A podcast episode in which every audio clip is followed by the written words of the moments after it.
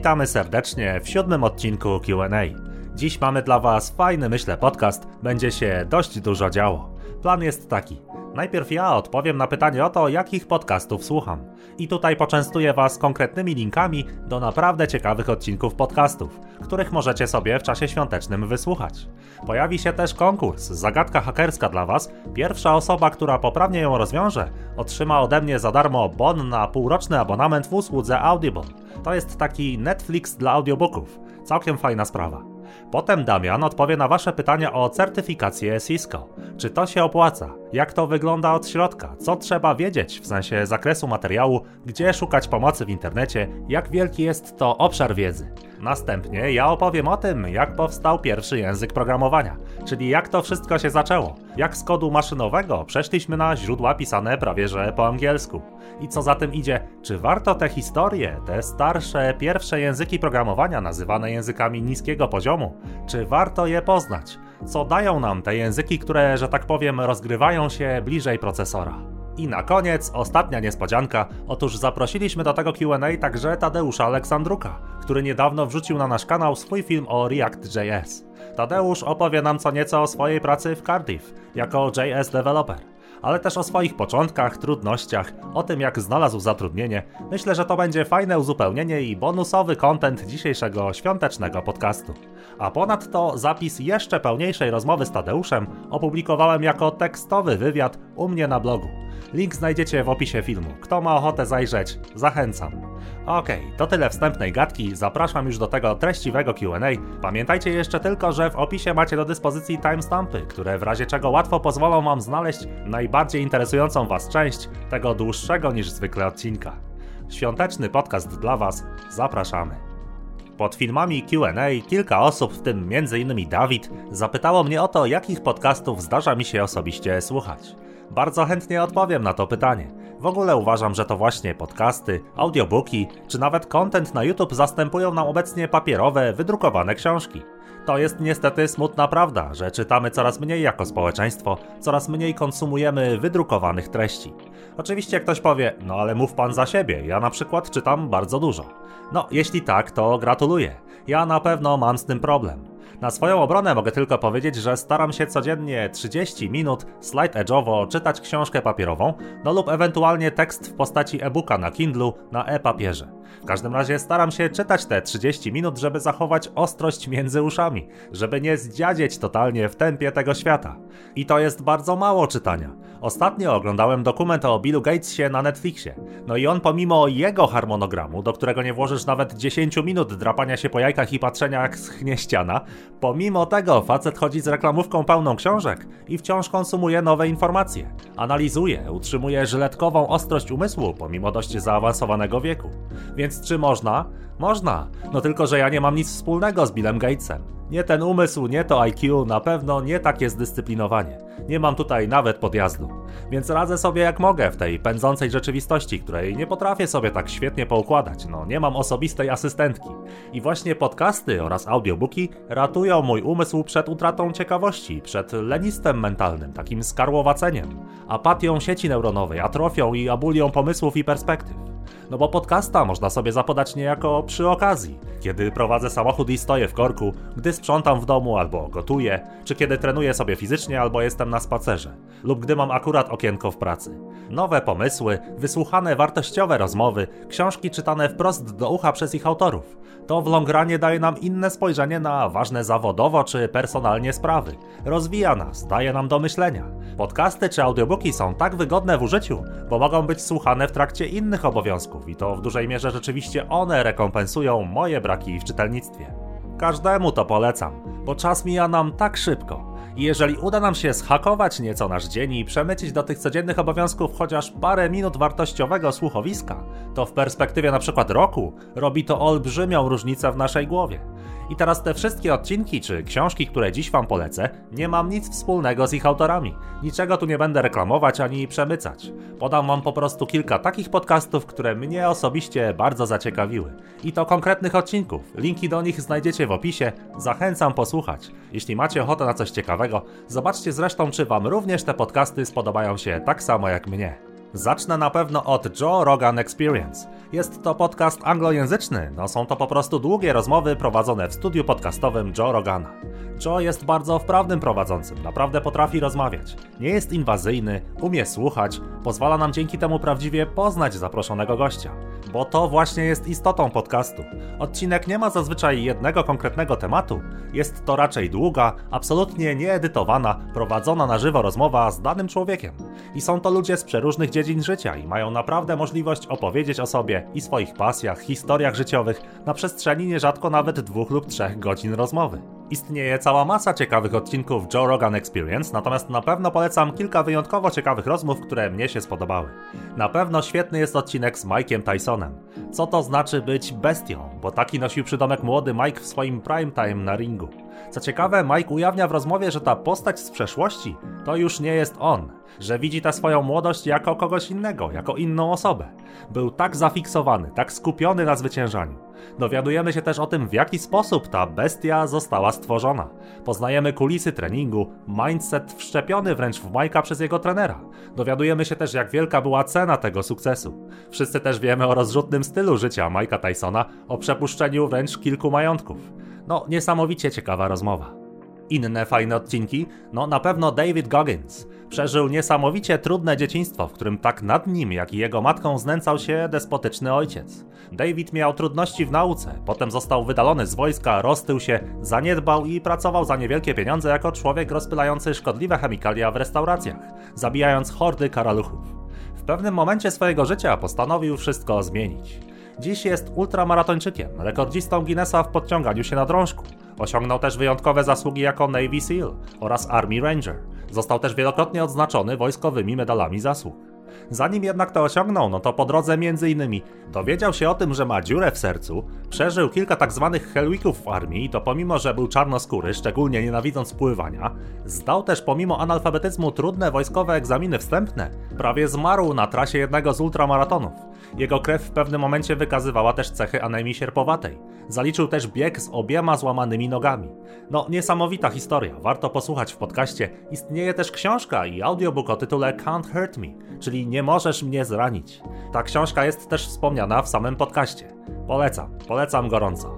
Kolejny ciekawy epizod? Graham Hancock i Randall Carlson. Jest to kolejno Graham, autor książek o początkach ludzkiej cywilizacji, dość kontrowersyjna postać, oraz Randall, geolog, który rzeczywiście kocha to, co robi. Jest to rozmowa w zupełnie innym klimacie.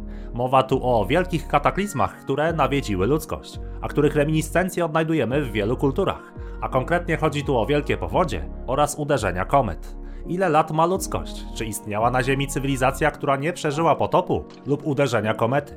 Dyskutowane są też odkrycia archeologiczne w Gobekli Tepe w Turcji, gdzie znaleziono struktury świątynne datowane węglem na czas, kiedy w oficjalnej archeologii nie było na Ziemi społeczeństw ludzkich zdolnych takie olbrzymie struktury budować. A przynajmniej jest to kwestia kontrowersyjna. Następna fajna rozmowa Wim Hof, czyli tak zwany Iceman, człowiek lodu. Facet, który m.in. przeżył samobójstwo swojej żony i zafascynował się treningiem z użyciem lodowato-zimnej wody oraz odpowiednich ćwiczeń oddechowych i rozciągania. Stworzył tak zwaną metodę Wima Hofa. Bierzemy zimne prysznice, robimy ćwiczenia oddechowe oraz siłowe i takie z pogranicza jogi rozciągające.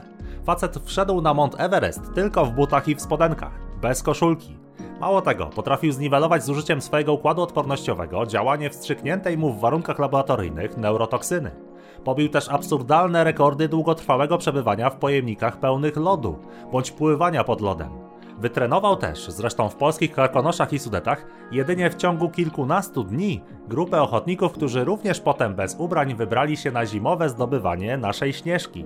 Niesamowita historia, oczywiście mocno kontrowersyjna postać, ale też dająca nam do myślenia w jak komfortowych warunkach obecnie żyjemy, jak lubimy ciepełko i komfort. No i właśnie być może hartowanie swojego ciała zimnymi prysznicami czy zimnymi kąpielami, jak to robią ludzie morsujący, jest całkiem fajnym sposobem treningu naszego ciała, o ile robimy to mądrze i z głową.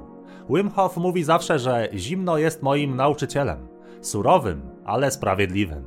Oprócz tego polecam Wam także podcasty z popularnym fizykiem. Nazywa się Neil deGrasse Tyson. Pewnie kojarzycie, bardzo ciekawe rozmowy. Neil wystąpił w kilku odcinkach, linki macie w opisie.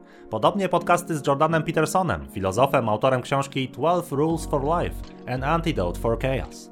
Bardzo fajne rozmowy i nawet jeśli ktoś ma poglądy inne niż Jordan Peterson, to same poruszane tematy są niezwykle interesujące i dają do myślenia. Można sobie zadać pytanie, co ja na ten temat sądzę. No i oprócz tego fajne są odcinki z Duncanem Troselem i Joe'im Coco Diazem, którzy są komikami, stand-uperami i jednocześnie przyjaciółmi Joe Rogana.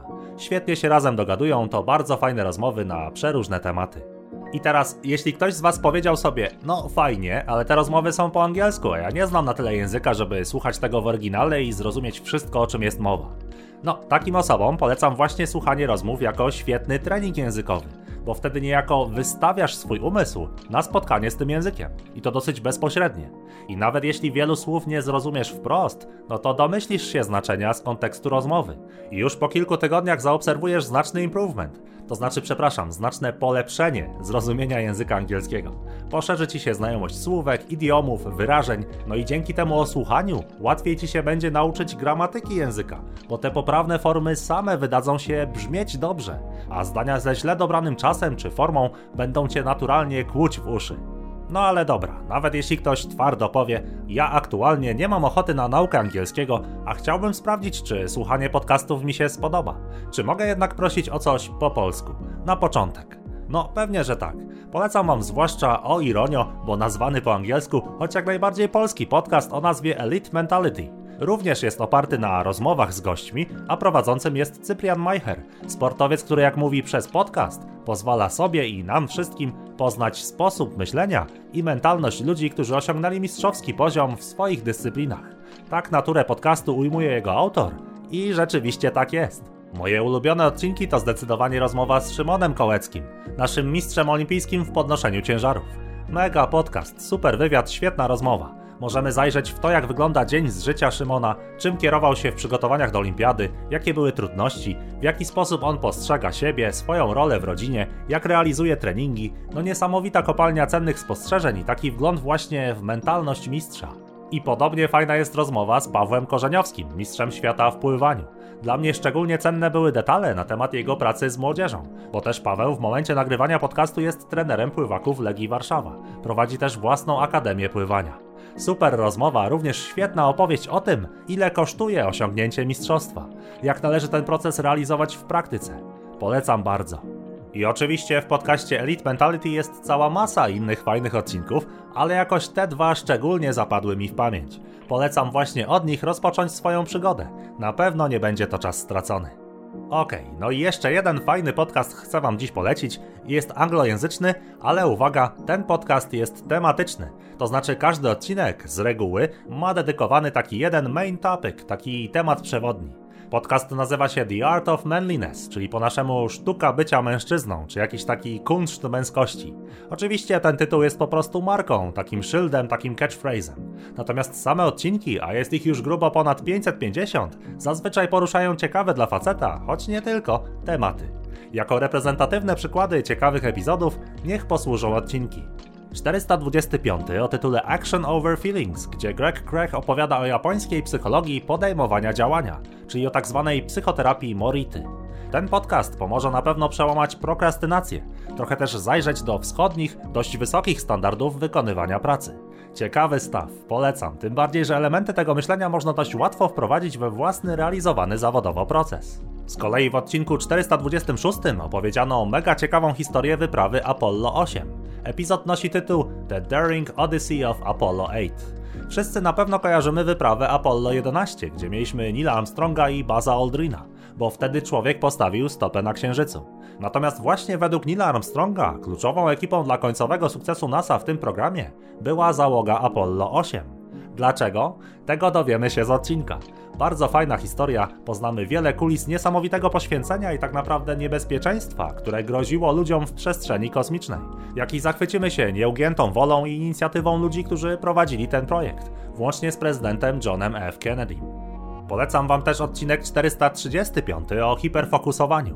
Sam trafiłem na niego za sprawą książki Chrisa Bailey o tytule Hyperfocus How to be more productive in a world of distraction. Wysłuchałem jej jako audiobooka w serwisie Audible i właśnie autor książki został zaproszony do podcastu.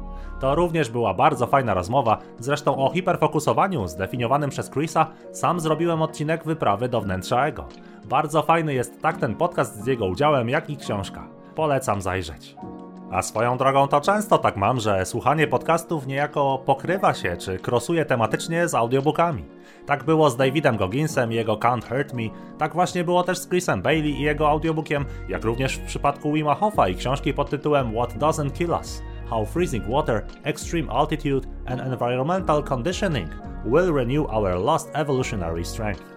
Tak zupełnie szczerze, to ostatnimi czasy podcastów słucham już rzadziej i zastępuję je bardzo często audiobookami, bo są troszkę pełniejsze, dają lepszą wizję idei, które przedstawiają ich autorzy. I taką moją absolutnie ulubioną apką do audiobooków jest Audible. To jest taki, jak to ująłem we wstępie, Netflix dla audiobooków. Z całego serca polecam Wam tę usługę. Oczywiście tylko jeśli angielski nie stanowi większego problemu. Nie mam też nic wspólnego z Audible, to nie jest film sponsorowany, nie chcę wam też dać żadnego linka partnerskiego, choć można je zakładać, ale ja po prostu zupełnie szczerze polecam wam prywatnie tę usługę, gdyż korzystam z niej w zasadzie codziennie i bardzo wiele mi to zmienia, na plus, bardzo dużo to daje mojej głowie. Jest to tak zrobione, że jest to abonament. Co miesiąc płacę aktualnie niecałe 15 dolarów i za to co miesiąc otrzymuję nowy jeden kredyt. Za ten kredyt mogę kupić sobie jednego nowego audiobooka. Co też jest fajne, to że można pierwszy miesiąc spróbować Audible totalnie gratis. A przynajmniej tak jest w momencie, gdy nagrywam ten film. Możemy dostać jednego audiobooka całkowicie za darmo. Każdy może z tej promocji skorzystać jeden raz przy zakładaniu nowego konta i zobaczyć, czy mu się ta usługa spodoba. Pamiętajcie tylko, że jest to abonament, tak więc po upływie tego pierwszego darmowego miesiąca, za następny miesiąc trzeba będzie już z góry te 15 dolarów zapłacić i one same zejdą z waszego konta. No chyba, że wcześniej wejdziecie sobie w account details i tam skancelujecie wasz abonament, anulujecie go.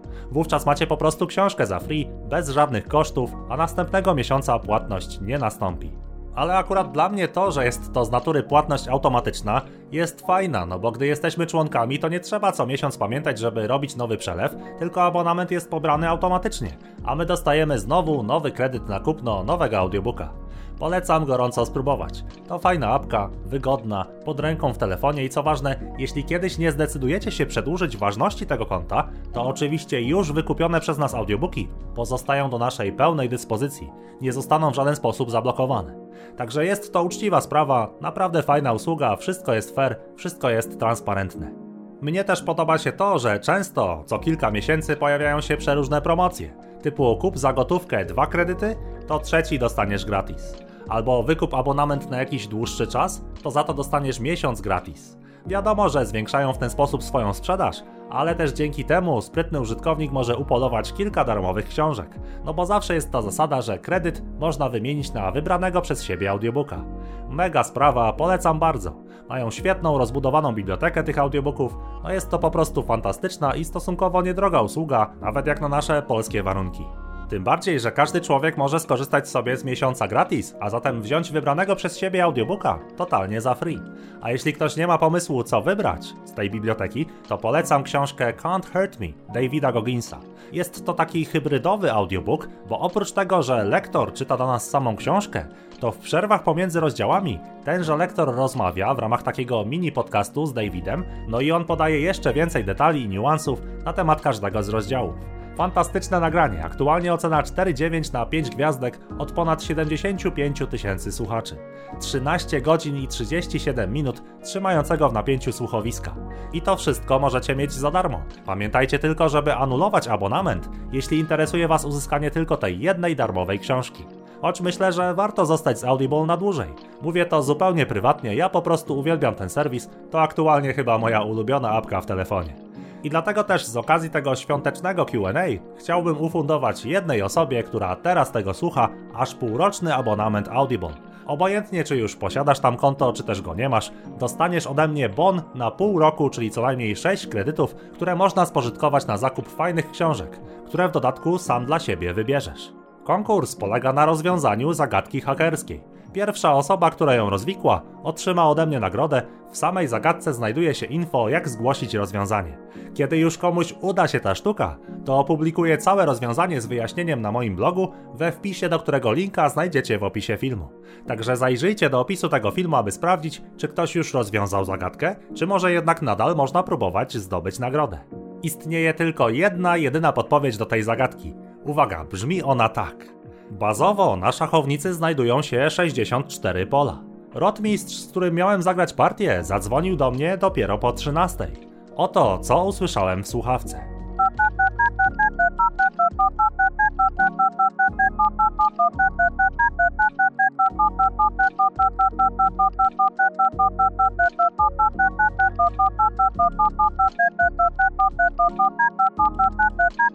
I to jest koniec zagadki. Plik WAVE z wydzielonym zapisem tej tajemniczej rozmowy telefonicznej można sobie pobrać z linku również znajdującego się w opisie tego filmu. Hmm, o co tutaj może chodzić? Cóż, pozostaje mi tylko życzyć Wam powodzenia w zdekodowaniu tej jakże enigmatycznej wiadomości. No i czekam na zwycięzcę, aby móc przekazać mu półroczny abonament Audible, czyli w praktyce aż 6 wybranych przez tę osobę audiobooków. Sprawi to myślę komuś Super Friday na święta. Certyfikat Cisco. Temat dla wielu z Was gorący, pojawia się sporo pytań dotyczących tej tematyki na kanale. Dziś zatem kilka przydatnych, mam nadzieję, informacji na ten temat. Zacznijmy od tego, że ścieżek certyfikacji Cisco jest kilka i tych certyfikatów zdobyć można całkiem sporo. Do wyboru mamy tradycyjne i najbardziej popularne oraz powszechne kierunki takie jak routing and switching, jak również takie bardziej na czasie jak data center, czy te dotyczące ogólnie pojętego bezpieczeństwa sieci i aplikacji. Jak widzicie, Cisco nie zamyka się na tematy stricte sieciowe. Certyfikować możemy się również w wielu dziedzinach pokrewnych. Co istotne, certyfikaty można zdobywać na różnych poziomach wtajemniczenia, od associate, czyli tego podstawowego, poprzez professional, aż do poziomu expert. CCNA Routing and Switching to najpopularniejszy obecnie certyfikat Cisco, jaki można zdobyć. Pytanie, jak się do niego przygotować, czy warto, no i ile to tak naprawdę kosztuje. Zacznę od odpowiedzi na często pojawiające się pytania pod filmami, a mianowicie czy materiały publikowane na kanale wystarczą, aby przygotować się do tego egzaminu. No ja uważam, że nie i to przynajmniej z dwóch powodów. Po pierwsze, zakres materiału, jaki trzeba opanować do CCNA jest naprawdę spory. Od podstaw sieci poprzez modele odniesienia, adresowanie IP, tematykę związaną z przełączaniem, routingiem, aż po technologię sieci rozległych. Nie jest to nic mega skomplikowanego, żadna to fizyka jądrowa, ale jest tego po prostu zwyczajnie dużo. Jeśli miałbym procentowo określić, ile z tego, co trzeba wiedzieć przed przystąpieniem do egzaminu jest na kanale, to powiedziałbym, że może jakieś 40, no maks 50%. Tak więc jest to zdecydowanie za mało. Materiały, które dla Was publikujemy, na pewno przydadzą się podczas nauki czy powtórki, ale nie mogę powiedzieć, że przygotują Was w 100%. Być może kiedyś uda przygotować się kompletny kurs, jednak z całą pewnością nie nastąpi to zbyt szybko. Po drugie, osobiście uważam, że ktoś, kto podchodzi do egzaminu, powinien przynajmniej kilka razy, mówiąc brzydko, pomacać, podotykać fizycznego sprzętu, bo pakiet Tracer i YouTube to trochę jednak za mało. Certyfikat jest dokumentem, który potwierdza wiedzę i umiejętności z danego zakresu i szczerze to średnio wyobrażam sobie admina, który go zdobył nie mając w rękach Switcha czy routera i który oglądał tylko filmy na YouTubie. Jak zatem przygotować się skutecznie do certyfikacji? Moim zdaniem najlepszy wybór to uczestnictwo w kursach organizowanych przez lokalne lub też regionalne akademie Cisco. Tych w całym kraju jest niemało, więc nie sądzę, abyście mieli problem ze znalezieniem takowej, szczególnie w większych miastach. Dopiero w drugiej kolejności polecam pracować samodzielnie w domu, ćwicząc, ćwicząc i jeszcze raz ćwicząc. Zajęcia w akademii są oczywiście dobre same w sobie, bo chociażby macie możliwość pracować na fizycznym sprzęcie, macie kontakt z instruktorem, który pomoże Wam w przygotowaniach. Dodatkowo, będąc słuchaczem, dostajecie dostęp do dobrze przygotowanych i kompletnych materiałów szkoleniowych przygotowanych przez specjalistów Cisco, które pomogą Wam w przygotowaniu teoretycznym. Oczywiście można przygotowywać się całkowicie samodzielnie, uczyć się z książek czy materiałów ogólnodostępnych w necie, labować w domu na symulatorze czy sprzęcie kupionym za kilka stów na Allegro, ale osobiście nie preferuję takiego sposobu przygotowania. Taka droga nie jest łatwa, wymaga jednak sporego samozaparcia i samodyscypliny i to na wysokim poziomie. Kurs w akademii, praca na fizycznym, profesjonalnym sprzęcie, kontakt z instruktorem oraz innymi osobami zainteresowanymi tymi samymi co wy zagadnieniami to moim zdaniem najlepsza droga, tym bardziej, że sam egzamin nie jest jakiś mega prosty. Składają się na niego pytania testowe jednego lub wielokrotnego wyboru, zagadnienia problemowe, a także zadania symulujące konkretną sytuację sieciową. Jako słuchacze akademii zdajecie testy cząstkowe z poszczególnych działów oraz tak zwane finale, czyli testy końcowe w danym semestrze, tak więc będziecie mniej więcej zorientowani, czego możecie się na końcowym egzaminie spodziewać. No a ile to kosztuje? Otóż koszt zajęć w akredytowanej Akademii Cisco może być różny. Są to kwoty od 1200 za 4 semestry, bo tyle trwa cały kurs, aż do kilku tysięcy. 1200 zł to bardzo niska i atrakcyjna stawka. Taka oferta kierowana jest zazwyczaj do uczniów lub studentów w akademiach działających przy uczelniach czy szkołach technicznych. Dla osób z zewnątrz te stawki najczęściej są w okolicach kilku tysięcy.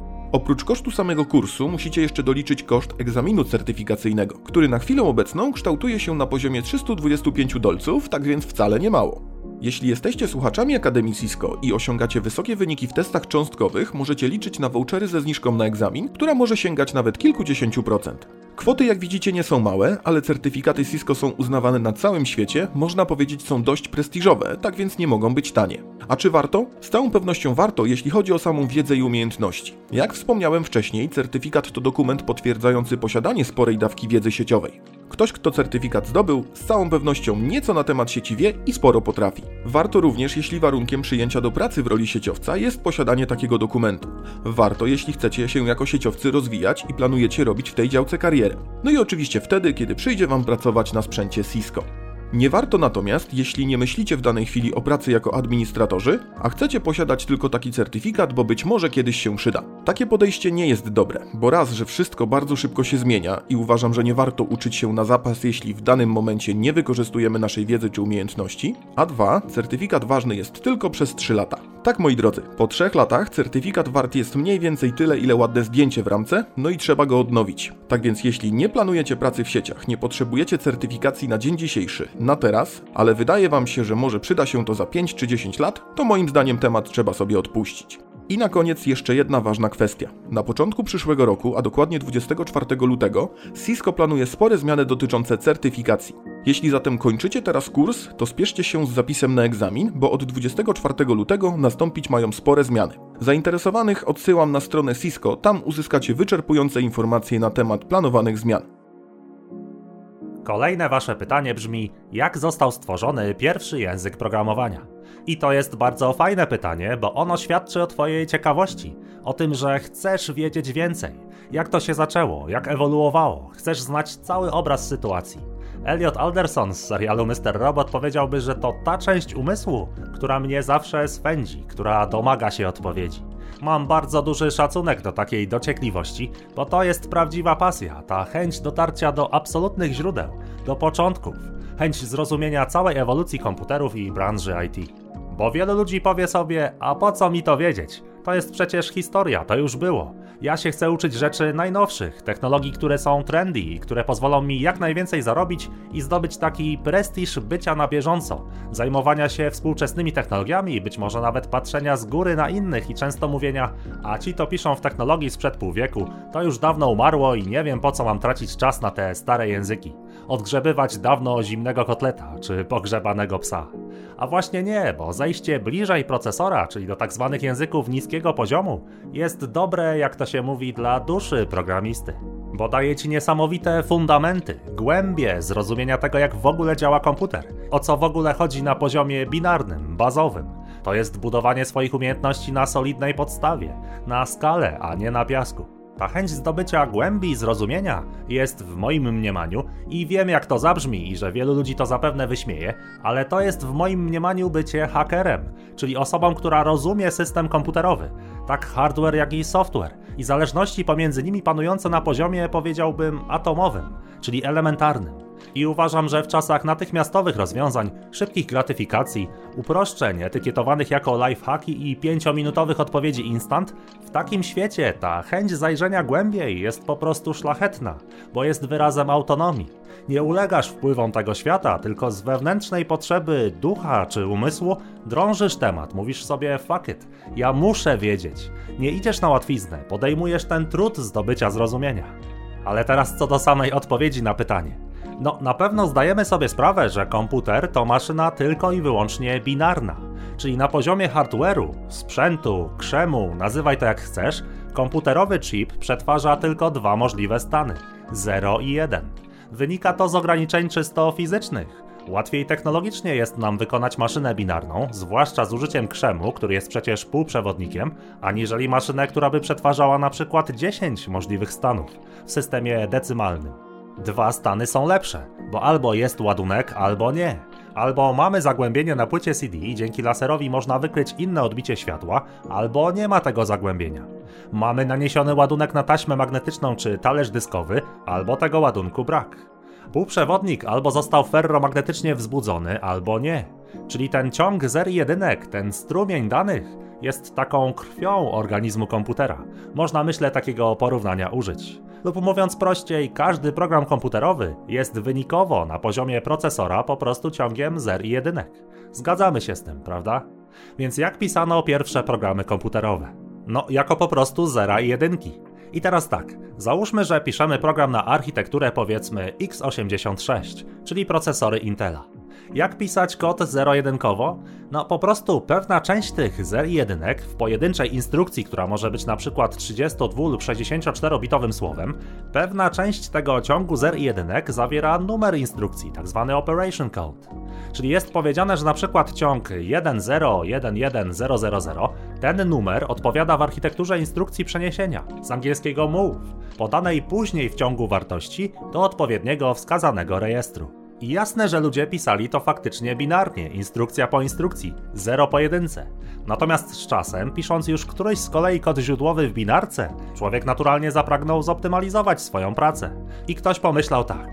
No kurde, nie ma sensu za każdym razem pisać 10111000, lepiej chyba zamiast tego napisać po angielsku trzy litery MOV od angielskiego move, czyli przenieś wartość. I analogicznie można by napisać zamiast zer i jedynek słowo push, czyli pchnij coś, przenieś na szczyt stosu, tego specjalnego obszaru w pamięci. Albo zapiszę pop, kiedy będę tę wartość zdejmować z wierzchołka stosu.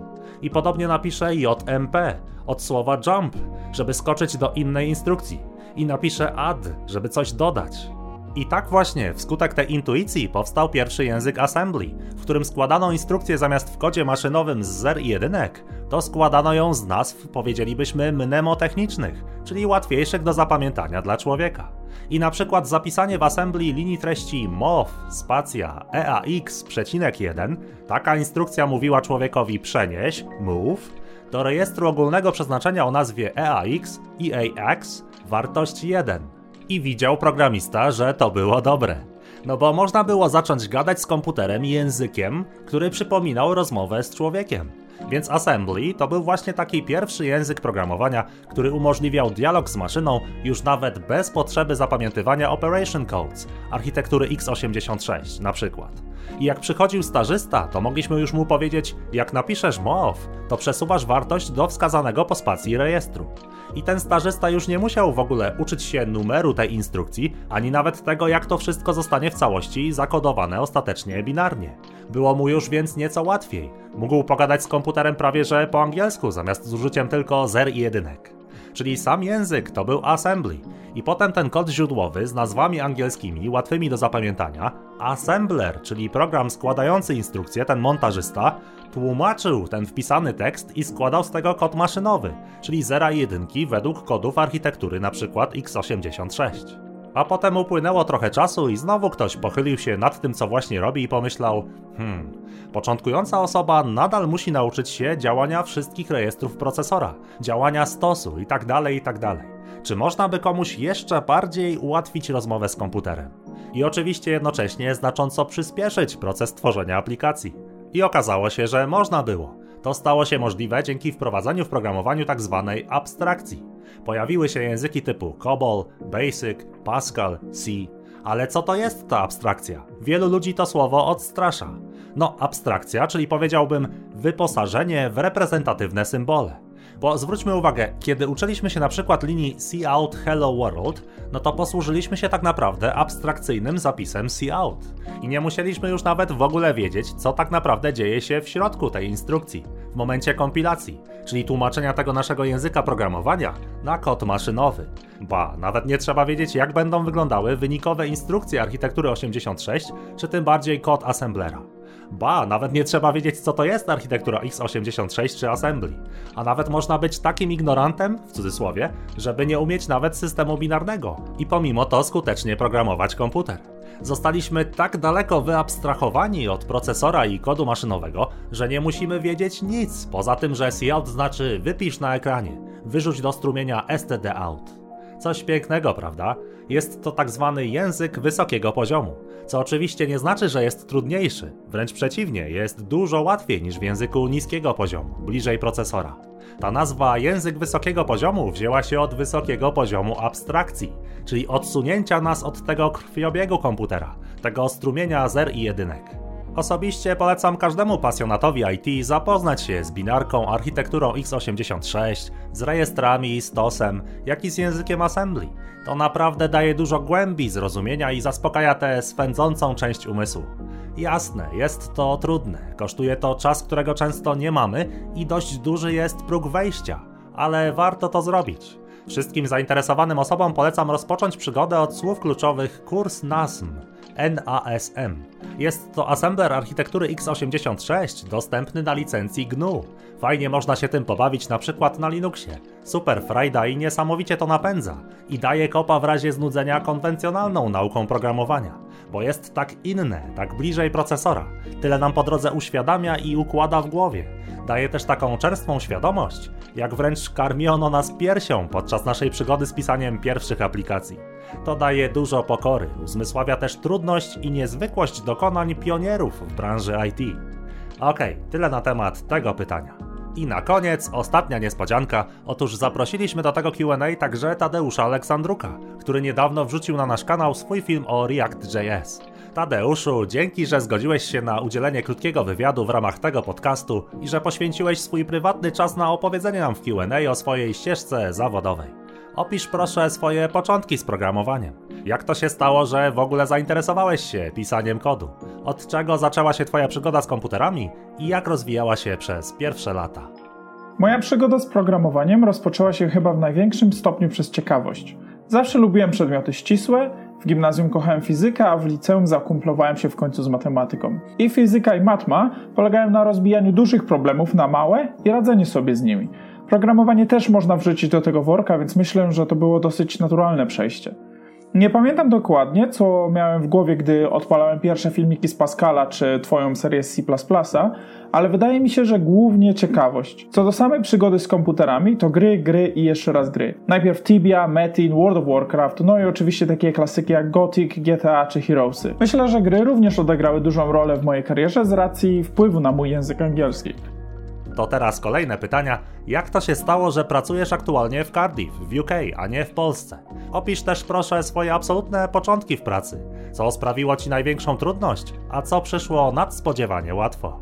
Pracuję w Cardiff, ponieważ tutaj studiowałem, a w czasie trzeciego roku studiów już znalazłem pracę, więc wybrałem najłatwiejszą opcję. Na początku studiów oczywiście chciałem wracać do Polski, ale niestety tak się nie złożyło. Największą trudnością myślę, że sprawiło mi i w sumie dalej sprawia pilnowanie samego siebie w momencie, kiedy myślę, że już skończyłem moje zadanie. Na przykład pilnowanie, że kod nadaje się do code review, że testy jednostkowe są napisane poprawnie, czy że nie ma żadnych literówek w komentarzach, czy nie wiem, załóżmy w nazwie gałęzi. Do tego dostosowanie się do wszelkich technologii około programistycznych, jak na przykład Jira. No i oczywiście DevOps, który jeszcze rok temu był dla mnie czarną magią i zajmowali się tym inni, a w momencie, gdy zmieniłem firmę, miałem na szczęście możliwość przez kilka tygodni po prostu usiąść i podłubać sobie w chmurze AWS-a, czy wszelkiego rodzaju CDCI i w tym, w tym momencie czuję już się w tym, w tym troszkę lepiej. I kolejne pytania. Co według Ciebie najbardziej rozwija początkującego programistę? Kiedy skorzystać z książek, kursów wideo, dokumentacji online, forum dyskusyjnych, a kiedy pisać własne projekty? W jakich proporcjach? Jaka według Ciebie powinna być optymalna proporcja udziału tych różnych metod w skutecznej nauce? I to na różnych etapach budowania własnych umiejętności. Jeżeli ktoś chce się nauczyć programowania, to według mnie powinien obejrzeć jakąś serię poradników o programowaniu w jakimkolwiek języku. Najlepiej oczywiście, jeżeli jest to seria o języku, który będzie używał w przyszłości, ale te umiejętności są dosyć uniwersalne, przynajmniej takie podstawowe umiejętności programowania. I teraz weźmy na przykład język programowania, którym jest Go. I mamy osobę, która nie, nie potrafi programować lub jest doświadczona w innych językach. W takim przypadku polecam na pewno obejrzeć jakiś poradnik, jak programować w Go. Sam język nigdy nie pozwoli ci oczywiście zbudować niczego sensownego. Potrzebujesz wszelkiego rodzaju narzędzi, bibliotek i wiedzy teoretycznej. W momencie, gdy umiesz programować już w Go, nie jesteś w stanie napisać backendu dla strony czy aplikacji internetowej. W takim momencie warto się zastanowić i poszukać odpowiedzi na pytanie, jak wygląda pisanie backendu dla stron, stron internetowych. No i tu oczywiście pojawiają się wszelkiego rodzaju blogi.